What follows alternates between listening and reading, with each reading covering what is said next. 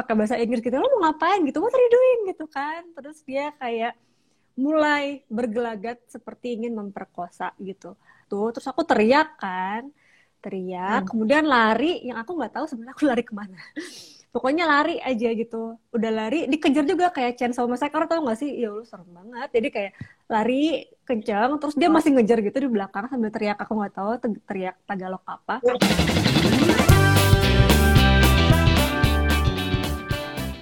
Halo sahabat kompas.com, apa kabarnya? Selamat datang di Travelcast, podcast seputar travel dari Kompas Travel. Uh, kenalkan, aku Shiva, jurnalis Kompas Travel yang akan jadi host kali ini. Uh, di edisi kali ini, uh, kita akan bahas soal solo traveling untuk perempuan. Nah, uh, aku bakal sendirian. Kali ini aku bakal ditemenin sama jurnalis kompas.com juga. Uh, beliau ini seorang solo traveler, namanya Mbak Sastri. Halo Mbak Sastri.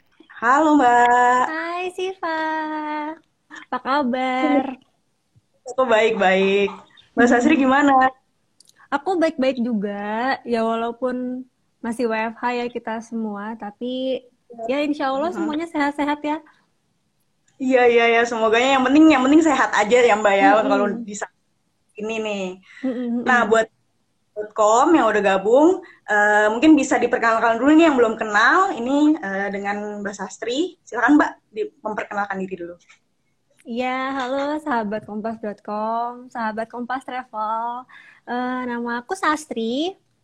Aku sekarang jadi jurnalis. Aku jurnalis di kanal Science di kompas.com.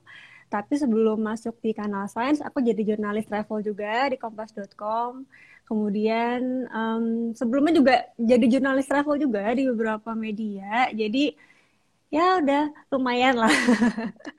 Terus aku emang suka banget solo traveling, udah lama.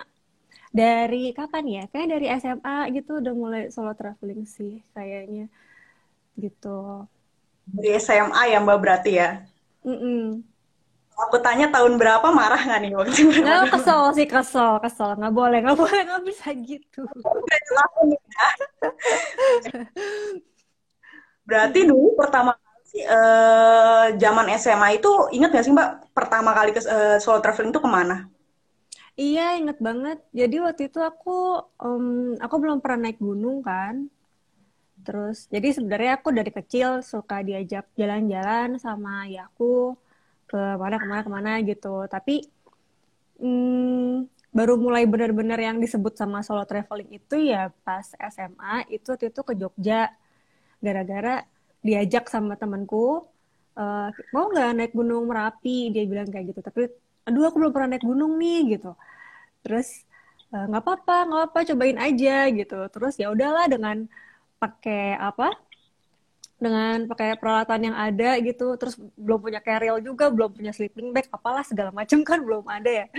Jadi ya udah berbekal ya seadanya aja pergi sendiri naik bis ekonomi waktu itu gitu. Naik bis ekonomi itu ke ke mana tuh mbak? Ke merapi itu? Iya ke terminal Jombor di Jogja.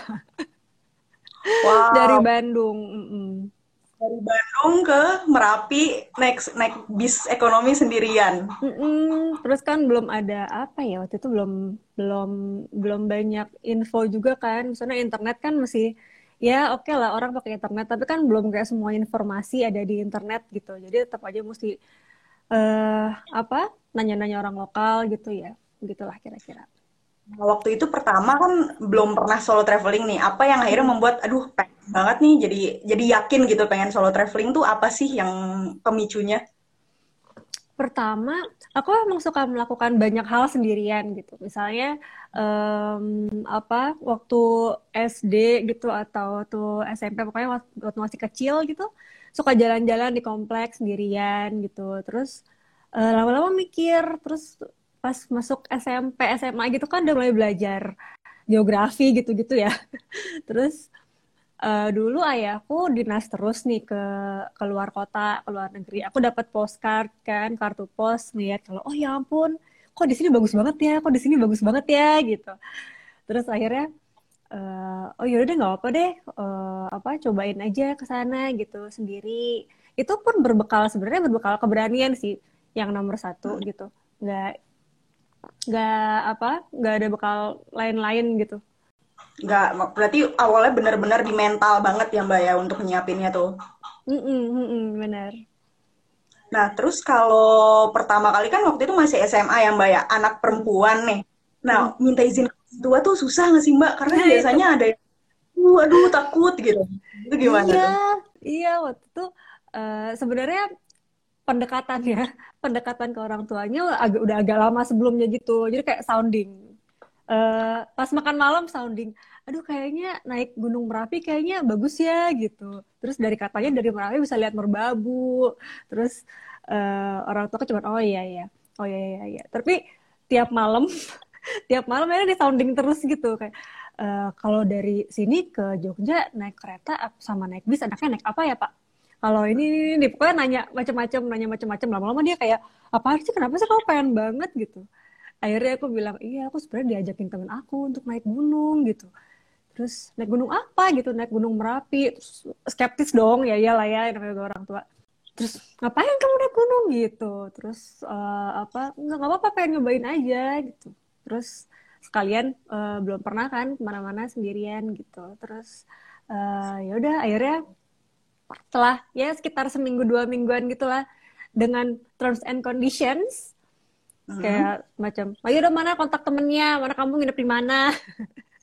Terus berapa hari? Apa ini itu ini itu? Kapan mau hubungin lagi? gitu gitu dari checklist checklist checklist semuanya kayak tanda tangan gitu ya udah.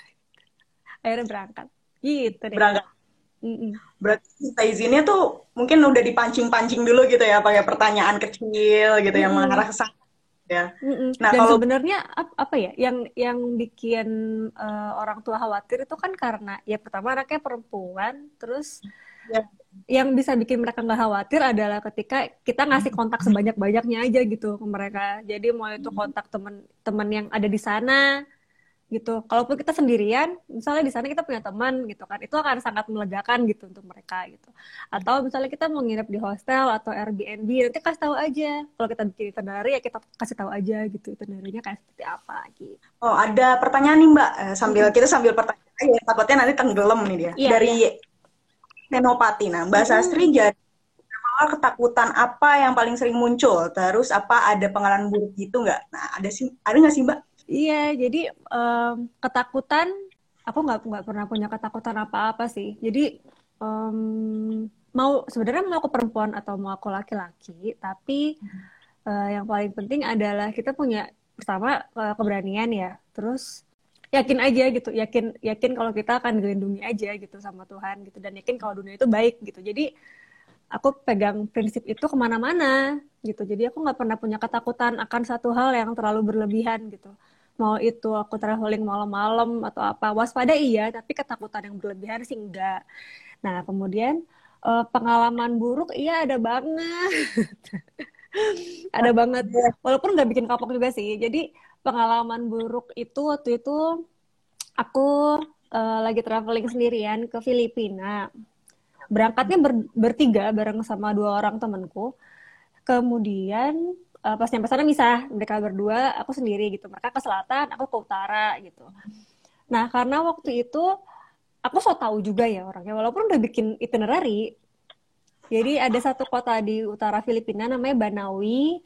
Nah uh, Banawi ini cuma bisa diakses malam-malam naik bis malam tapi aku udah hmm. kadung hmm. nyampe ke Manila itu siang terus kayak ngapain ya gue sampai malam kayaknya nggak kayaknya mending berangkat sekarang aja deh akhirnya ngeteng lah hmm. ngeteng naik angkutan dulu ke sini ke sini ke sini naik jeepney dulu ke sini oh, kayak ngeteng gitu ke beberapa kota gitu ya naik turun naik turun gitu itu pun kayak apa uh, nanya-nanya orang lokal aja gitu sama masih pegang Lonely Planet kan waktu itu. Akhirnya pas uh, yang harusnya nyampe Banawi itu perkiraan maghrib atau malam gitu udah nyampe alhasil jam 12 itu masih ada di jalan ya kan? Hmm. udah 12 masih di jalan gitu. Kemudian waktu itu aku naik jeepney juga sendirian di situ terus jalannya itu berliku-liku kayak jalan ke puncak zaman dulu tuh nggak masih ingat gak sih jalan puncak zaman dulu?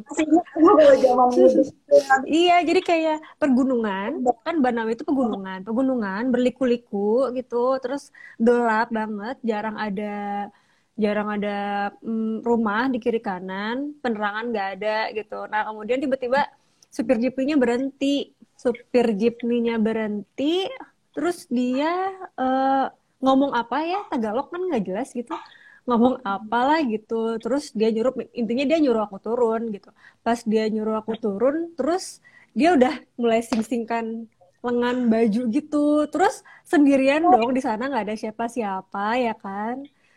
Terus akhirnya pakai bahasa Inggris gitu lo mau ngapain? gitu what are you doing gitu kan. Terus dia kayak mulai bergelagat seperti ingin memperkosa gitu.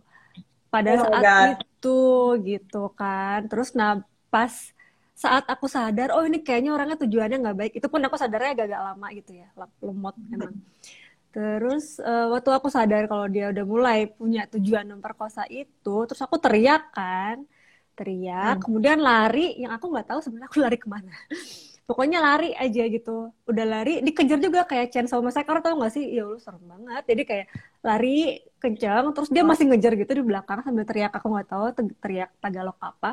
Sampai akhirnya uh, ada ada cahaya gitu ada orang lokal ada ada rumah di situ. Akhirnya aku gedor-gedor. Gedor-gedor. Tasku masih Bukain gitu. keril kerilku bahkan masih di si jeepney itu gitu. Jadi aku tinggal aja terus aku gedor-gedor terus dia keluar terus aku cerita kan eh, pokoknya cerita gitu panik-panik gitu sama dia disuruh masuk. Terus orangnya di diusir entah pakai bahasa apa. Habis itu disuruh masuk ditenangin dulu dikasih teh dulu dikasih dibikinin omelet dulu sama dia gitu. Akhirnya um, iya baik banget. Akhirnya dia uh, apa aku kasih tahu aku tujuannya mau ke mana sebenarnya? gitu. Oh ternyata dia kenal sama uh, Airbnb yang mau aku inepin gitu ditelepon lah Hmm, habis itu diantar sampai Airbnb. Karirnya kan masih ada di mobilnya itu kan, itu gimana? semuanya. Aku tinggal, tinggal semuanya. Tapi kan, tapi kan uh, barang-barang penting ada di tas tas ini kan, tas pinggang. Mm -mm. Hmm. Uh, di hmm. tas pinggang. Jadi yang barang-barang ya baju-baju gitu-gitu, beneran aku tinggal semuanya gitu gak balik itu sampai sekarang si carrier gak dan barang-barang. Wow. Kalau walau udah nggak tahu ke mana bodo amat. Yang penting selamat gitu. Iya, yang penting selamat itu pun kayak alhamdulillah alamin ya itu kayak masih masih dikasih pertolongan gitu waktu saat itu. Bisa jadi tips juga kali ya Mbak ya kalau tiap jalan-jalan tuh kita perlu punya tas kecil untuk segala macam hal tuh selalu sama kita gitu ya. Iya banget banget karena penting. itu pengalaman pengalaman pribadi banget ya. Jadi tas pinggang itu penting penting banget. Jadi uh, apa isinya segala macam yang yang krusial lah. Dompet, paspor, kemudian alat tulis kalau ada pensil, pulpen gitu. Mau masuk ke negara lain nulis imigrasi nggak usah rogoh-rogoh dulu. Kalau nggak pinjam pulpen punya orang lain dulu gitu gitu gitu. Kadang perlu gitu ya kita hmm. nulis Oh, oh, oke oke. Terus kalau bisa sih apa sih kartu nama orang-orang yang kita kenal gitu. In case kalau emang handphone kita dicuri atau apa, kita tahu kita mesti ngubungin siapa gitu. Oh, nomor-nomor fotokopi sih, uh, fotokopi fotokopi fotokopi paspor, fotokopi tiket, hmm. fotokopi bookingan segala macam itu juga penting gitu. Hmm, isinya tuh harus itu tuh harus selalu ada dan nempel di badan gitu ya? Nempel di badan ke mana pun. Hmm. Oke, nah uh, tadi kan pengalaman, pengalaman Mbak yang kayak menyeramkan lah di Filipina. Nah, uh, Mbak juga India kan nih. Nah, India tuh aku pernah dengar-dengar rumor kalau dia tuh nggak ramah sih sebenarnya uh, untuk turis, apalagi untuk perempuan. Nah, pernah ada pengalaman serupa nggak sih ketika di India waktu itu? Justru waktu ke India aku nggak terlalu ngerasain itu sih. Walaupun sebenarnya emang Bronx banget gitu ya. Hmm. India tuh waktu itu aku ke dua kota ke Bangalore sama Chennai. Itu dua-duanya ada di selatan India. Bangalore tuh Silicon Valley-nya jadi dia nggak terlalu rusuh gitu. Jadi dia rapi terus masih hmm. kentara lah peninggalan Inggris yang uh, apa taman-tamannya gitu rapi-rapi gitu. Terus orang-orangnya juga pada bisa bahasa Inggris supir baja juga ada yang bisa bahasa Inggris. Mungkin karena banyak ekspat di Silicon Valley situ gitu. Di sana aman sejahtera sentosa gitu kan Terus uh, pas pindah ke Chennai, pas pindah ke Chennai itu baru India sesungguhnya sih di situ sih kalau menurutku. Jadi yang pernah nonton Slumdog Slumdog Millionaire kan ya Iya, hmm. nah itu beneran yang kayak gitu banget gitu. Jadi kita lagi jalan di jadi jalan di jalan raya, terus tiba-tiba ada orang bawa ember gitu, bawa gayung, terus dia mandi di depan kita gitu ya kan. Terus mandi. mandi depan kita mandi. Oke, lo mandi depan gue kapan gitu. itu aneh banget. Iya, iya emang itu seberong itu sih Cenai. Nah, di Cenai ini emang agak-agak bahaya. Kenapa? Karena um, karena dia ekonominya jelek gitu. Jadi memang willing untuk hmm. mencuri sesuatu untuk jambret itu emang gede banget gitu. Jadi yang namanya harus benar-benar jaga diri emang jaga diri. Aku waktu itu kecenai dengan beberapa terms and condition buat diri aku sendiri adalah uh, pertama aku nggak boleh keluar terlalu malam. Kemudian aku nggak hmm. boleh jajan sembarangan walaupun jajanannya kan menggugah selera ya. Kalau di Chennai kayaknya itu agak, aduh nggak deh. Kalau di Bangalore itu masih mending gitu. Kalau di Chennai kayaknya enggak. Terus uh, apa? Aku uh, pegang kontak KBRI atau KJRI di situ gitu. Terus selebihnya udah itu aja tuh. Memang agak-agak uh, menyeramkan iya ya. Karena mungkin situasi sosialnya yang kurang baik di, di India itu makanya jadinya agak-agak beresiko hmm. untuk turis cewek apalagi sendirian gitu. Hmm, jadi selebihnya mungkin ya udah biasa aja gitu ya Mbak ya. Uh, terus uh, balik lagi tadi ke uh, awal-awal nah uh, sejauh ini uh, Mbak Sasri udah ke negara mana aja sih atau ke tempat-tempat mana aja sih kehitung nggak sih tempat-tempat yang udah pernah dikunjungi itu apa aja? Lumayan kehitung. Oh, kalau untuk solo traveling ya. Hmm, hmm. Ini negara-negara yang pernah aku solo traveling ya. Uh, itu beberapa kalau aku sebutin kayak ham, semua negara Asia Brunei. Brunei aku belum pernah ke situ. Kemudian ada uh, di Eropa itu ada Belanda, Belgia, uh, Man, Turki. Kemudian uh, kalau untuk India sama Nepal. Nepal. Ya, Banyak ya. banget berarti. Saya juga pernah deh Australia pernah karena aku datangin sepupu aku di situ waktu itu. Hmm. Nah dari tempat yang udah pernah Mbak datang ini, kira-kira yang paling aman buat pemula apa ya? Tadi ada akun Men Uma yang tanya, kira-kira mana yang paling aman untuk pemula? Nah yang mana tuh Mbak yang udah? Yang paling aman untuk pemula kalau menurutku Eropa oke okay sih kalau untuk pemula. Tapi kalau dikira terlalu jauh gitu ya, Singapura, terus uh, Thailand, Vietnam juga oke okay kok untuk solo traveling gitu. Soalnya kalau Singapura ya jelas lah ya, um, negaranya negara lumayan maju gitu, kemudian sesuatu kalau mau bersosialisasi gitu-gitu kan gampang. Kalau di Vietnam sama Thailand uh, walaupun orang-orangnya ada yang nggak bisa itu kita ngomong apa tuh mereka ngerti gitu jadi dan uh, panduannya juga udah banyak gitu nggak nggak susah terus cenderung aman sih kalau menurutku untuk solo traveling perempuan. Dela nah Eropa banyak copet banget. Banyak copet banget nggak sih mbak? Karena kan aku juga sering dengar sih kalau Eropa tuh nggak aman gitu. Eropa memang terkenal ya beberapa beberapa negara yang terkenal hmm. ada uh, Prancis ya kan? Kemudian di Eropa Timur kayak Ceko. Hmm.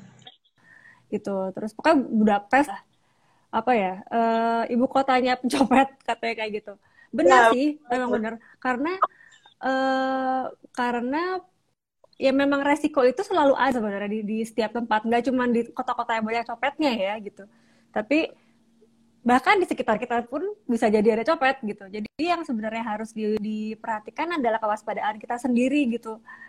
Kita harus siap menghadapi resiko-resiko yang semacam. Hmm, jadi yang penting jaga diri aja mungkin ya. Kalau buat pemula, balik lagi tadi, uh, apa aja sih uh, yang harus dipersiapkan? Tadi kan Mbak Sasri kan benar-benar nyiapinnya tuh mental ya, keberanian. Nah, apa apa aja yang harus kita persiapkan sebagai kalau mau mulai solo traveling ya baik dari mentalnya, dari mungkin uangnya pasti ya, uangnya, barang-barangnya gitu. Apa aja yang pertama banget tuh harus kita siapin? persiapannya bener sih kan itu ada tiga ada mental ada fisik kita juga disiapin gitu budgetnya juga disiapin gitu. Dari segi mental aku selalu percaya kalau dunia ini tuh baik gitu sebenarnya. Jadi aku selalu percaya kalau kita selalu dilindungi kalau memang kita minta gitu. Jadi sebenarnya nggak usah takut berlebihan waspada wajib tapi nggak usah takut berlebihan gitu. Jadi uh, penting jadi bekal bekal kita untuk traveling terutama untuk perempuan gitu. Sebenarnya ketika aku solo traveling ke luar negeri itu orang-orang mayoritas pada nanya uh, karena melihat aku berjilbab kemudian mm sendirian mereka nanya are you from Malaysia? Gitu lah dari dari Malaysia ya gitu. Indonesia. Terus mereka kayak bilang oh soalnya ada cewek berjilbab traveling sendirian gitu. Mereka pikir itu orang Malaysia gitu. Jadi mulai kalau menurutku apa ya uh, cewek-cewek Indonesia itu sebenarnya bisa bisa banget gitu. Jadi nggak nggak perlu takut berlebihan gitu. Kita hanya perlu uh, waspada tapi nggak usah takut berlebihan gitu pas perjalanan. Nah kemudian persiapan fisik itu juga itu juga penting. Jadi karena kita sendirian kan hmm, di perjalanan hmm. kita sendirian di tempat tujuan kita sendirian gitu. Jadi penting banget buat uh, jaga gitu. Kita harus minum vitamin misalnya kayak seminggu sebelumnya gitu daily dose gitu dosis harian vitamin C gitu misal gitu. Kemudian pas perjalanan juga harus siap siaga itu kotak P3K yang kita butuhin gitu. Apakah kita butuh vitamin C atau atau misal apa uh, jamu jamu gitu atau jamu sachet gitu misalnya. Atau apa yang perintilan gitu kayak tisu basah apa segala alergi kita bawa obat alergi gitu bawa obat pilek dan segala macam. Itu juga itu kalau segi fisik gitu. Nah kalau dari segi budget kayaknya uh, satu hal yang membedakan traveling sendirian sama traveling bareng-bareng adalah yang sendirian itu pasti budgetnya lebih besar. Kenapa? Karena kita nggak sharing nggak sharing kamar gitu kan sama orang lain. Mm, terus nggak sih nggak apa uh, kalau kalau bareng-bareng sama teman mungkin kita bisa kita bisa apa bisa pokoknya bagi-bagi banyak hal lah gitu. Tapi kan kalau ya jadi memang kita harus siapin budgetnya itu lebih lebih besar gitu. Jadi kita bikin itinerary itu selain ada plan A kita harus ada plan B-nya. Jadi kalau misalnya ini ini tutup gimana? Kalau ininya ternyata nggak bisa ke sini kita harus ke mana gitu. Jadi waktu kita nggak terbuang sih ya gitu di tempat tujuan? Berarti kalau soal budgeting itu eh, perharinya penting banget ya mbak ya untuk kita rencanakan mungkin. Hari ini tuh kita bakal keluaran pengeluaran tuh buat apa aja gitu ya. Terus buat makan mungkin di budgeting harus berapa maksimal gitu kali ya mbak ya? Uh, iya juga, iya iya dan enggak sih. Kalau aku paling uh, ketika bikin itinerary, aku biasanya memperkirakan aja gitu. Oh, estimasi kali sekali makan itu gini gitu. Jadi mau itu lebih murah atau lebih mahal, ya penting masih ada di kisaran itulah gitu. Dan kita bisa supir gitu kan. Misalnya kita pagi makan sarapan dari hotel gitu. Kemudian siang kita makannya yang agak lebih lebih fancy dikit nih gitu kayak gitu lah pokoknya disesuaikan budget estimasi gitu karena itu bisa jadi turun atau bisa jadi sangat bisa lebih ya meningkat gitu sempat bahas juga uh, soal budgeting masih soal budgeting sih uh, bisa dibocorin nggak sih kira-kira uh, yang paling murah solo traveling tuh yang pernah mbak lakukan itu habis berapa sih sebenarnya Filipina itu paling murah kenapa karena ada faktor uh, promo tiket pesawat oh, promo ya. tiket pesawat. Waktu itu aku naik budget airlines-nya Filipina itu cuma hmm? tiga belas ribu. Oh wow, kok murah banget mbak? Kalau kalau kita bisa dari jauh-jauh hari kita cari tiket promo atau kita cari promo penginapan juga gitu itu juga sangat membantu untuk budgeting gitu mau mau itu traveling sendirian atau kita bareng itu kan. Jadi Filipina juga nggak mahal sih Filipina mungkin tapi biasanya Filipina nggak yang paling murah juga ya mbak ya tiketnya kalau dari negara Asia Tenggara gitu. Ya memang sih benar uh, benar. Memang tergantung tergantung maskapainya juga gitu. Jadi ya cepat-cepatan kita ambil promonya aja sih. Selain di Filipina, hmm. Nepal juga itu lumayan murah karena Oh ya. Uh, pertama emang mata uangnya nggak nggak mahal kan. Mm -hmm. Filipina itu nggak nggak nggak mahal. Kemudian di Nepal juga nggak mahal. Uh, terus flightnya juga dapat promo juga waktu itu gitu. Jadi emang tergantung itu juga mahal atau enggaknya hmm. budget hmm. gitu. Kalau sehari-hari di sana mungkin yang paling biayanya yang paling yang paling murah nih dari negara-negara yang udah pernah didatengin itu negara apa aja sih? Yang aku dengar Vietnam soalnya biaya sehari-harinya nggak terlalu jauh gitu sama di Indonesia. Iya benar-benar Vietnam emang mirip banget sama Indonesia. Jadi sekali makan ya antara kisaran 20 itu udah yang lumayan lengkap gitu. Uh, Vietnam hampir mirip banget sama Indonesia. Kemudian Thailand juga lumayan misalnya mau makan king mau tuh soalnya atau apalah gitu. Pokoknya kita nggak asal kita tahu aja gitu. Kita kita harus makan apa. Hmm. nggak terlalu jauh sama Indonesia. Terus sih di negara-negara Eropa surprisingly jadi itu oh. lumayan terjangkau juga. Belanda juga lumayan terjangkau. Oh Eropa juga ternyata lumayan murah ya mbak ya? Mm -hmm. Katanya sih kalau hmm. temenku, temanku sudah pernah ke negara-negara Balkan nih kayak Georgia gitu juga katanya sama murah juga. Gitu. Kalau untuk si kalau untuk solo travelingnya sendiri, menurut Mbak apa sih perbedaannya atau keunggulannya atau kerugiannya dengan kita jalan-jalan bareng teman, kita ikut open trip, nah gitu. Perbedaannya apa aja sih dengan solo traveling? Perbedaannya kalau solo traveling itu benar-benar bikin kita jadi mandiri. Kita benar-benar apa ya rely on ourselves aja gitu. Jadi benar-benar merancang itu dari awal, terus kita perjalanan kian gitu. Uh, memang sih konten tuh penting banget kan ya untuk zaman sekarang. untuk zaman sekarang gitu. Tapi ketika solo traveling itu memang kerasa kerasa bahwa apa yang depan mata itu tuh lebih lebih berarti gitu dibanding konten mau itu foto atau segala macam gitu. Ya, walaupun kita juga foto-foto ya ketika kita traveling. Misalnya aku ketika solo traveling ya aku lagi pengen foto diri sendiri ya minta difotoin gitu sama orang lain gitu. Sama sekeliling kita memang apa ya menuntut kita untuk lebih mandiri aja gitu. Itu yang lebih kemandirian itu pertama.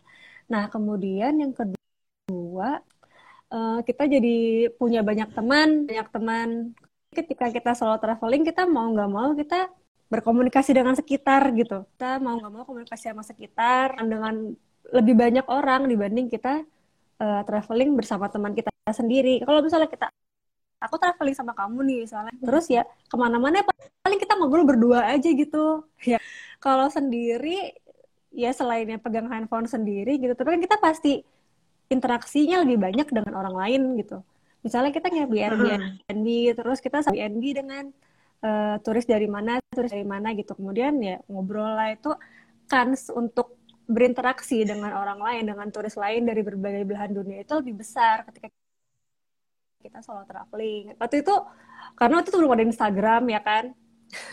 Jadi paling kita temuan di Facebook gitu atau ya udah saling balas-balas chat chat chat chat gitu atau tukeran tukeran kartu pos. Macam itulah Hmm, oke oke. Ada pertanyaan lagi nih dari di Avonturo FME, oke. Okay. Uh, eh, susah banget nama akunnya oke. Kalau rekomendasi solo traveling di Indonesia dan rencana mau solo traveling ke mana ke depan yang basas katanya. Avonturo of Me. Mm -mm.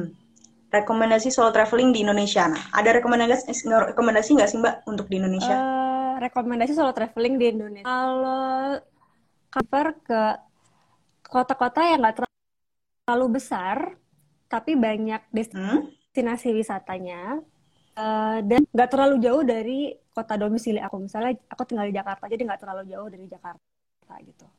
Tahu, aku suka banget solo traveling ke Bukit Tinggi. Kenapa Bukit Tinggi?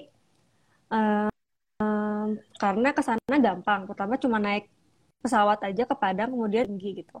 Nah pas sampai Bukit Tinggi, uh, banyak atraksi wisatanya udah nggak nggak diraguin lah ya. Marai Sianok apa jam gadang segala macam. Atraksi wisatanya terus makanannya nggak diragukan lagi enak banget. Terus kotanya nggak terlalu besar jadi mm, kotanya nggak terlalu besar. Jadi kita bisa keliling dengan apa ya kaki atau mungkin pinjam sepeda atau kalau bisa naik motor ya sama motor. Terus uh, pokoknya segala segala segala atraksi wisata itu kalau menurutku lengkap di Bukit Tinggi dan cocok buat solo traveling karena aman juga gitu kan. Dia nggak terlalu besar jadi ya lo akan ketemunya ya tempat dan orang-orang itu lagi gitu pertama sih Bukit Tinggi itu nah kemudian solo traveling aku aku juga rekomendasiin Solo, hmm. Solo atau Jogja juga oke okay, gitu karena nggak terlalu jauh dari Jakarta. Transportasinya gampang, atasnya banyak, makanannya oke, okay, enak gitu kan. Jadi kalau menurutku itu aja sih hmm. rekomendasinya kalau di Indonesia. Oke, okay. terus uh, rencana mau solo traveling ke mana ke depannya Mbak Sas nih? Masih dari di ini, nah ada nggak? Uh, rencananya belum ada sebenarnya. belum oh. ada rencana traveling ke Solo ya, Solo belum ada gitu. Hmm. Tapi aku dengan beberapa teman rencananya emang mau ke Geopark Ciletuh hmm. untuk explore barang dua atau tiga hari, tapi nggak sendirian. Karena aku punya bayi kan sekarang. Kalau untuk traveling sendirian kayak terlalu riskan gitu ya meninggalkan bayi sendiri. Jadi uh, ketika nanti anakku sudah agak besar, aku akan melanjutkan lagi destinasi yang uh, masih jadi bucket list aku ada beberapa itu ada Asia Tengah negara-negara di Asia Tengah kayak ya, Iran, Pakistan itu masih jadi bucket list. Ya, nah untuk oh ada pertanyaan lagi dari anak underscore tetangga. Oke, okay. punya kartu kredit penting nggak sih buat travel? Nah, penting nggak sih mbak kartu kredit? Banget, banget, banget. Penting banget. Apalagi kalau reservasi reservasi hotel ya kan? Terus reservasi hotel kan nggak nggak semuanya bisa in advance nggak semuanya bisa sebelumnya gitu kita bayarnya. Bisa jadi karena satu dan dan kita kayak harus yang di saat itu juga gitu.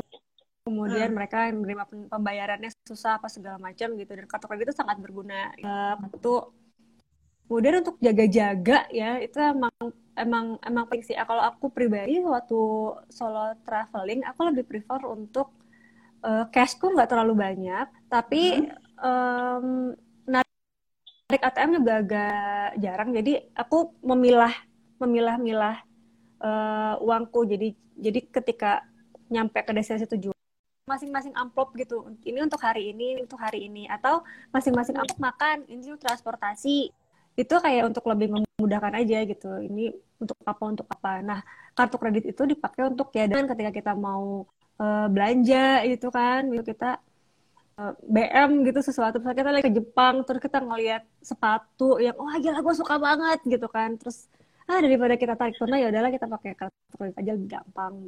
Berguna banget sih kalau hmm. kalau kartu kredit. Oke. okay mungkin khususnya untuk tempat-tempat yang pembayaran untuk orang uh, orang aslinya masih lebih mudah kartu kredit kali ya Mbak ya? Iya benar. Kayaknya udah mepet waktunya udah mepet juga nih Mbak. Jadi uh, mungkin kita ending dulu nih untuk sesi hari ini. Ya, terima kasih banget buat Mbak Sasri untuk sesi sharingnya tadi. Semoga bermanfaat buat uh, sahabat kompas.com uh, setelah pandemi corona ini berakhir mungkin kalian bisa benar-benar coba ya untuk uh, mulai solo traveling. Sampai sini dulu aja untuk edisi kedua Travel Cast. Uh, sampai jumpa lagi di episode selanjutnya. Uh, episode kali ini juga uh, udah tayang sebelumnya di Instagramnya kompas.travel.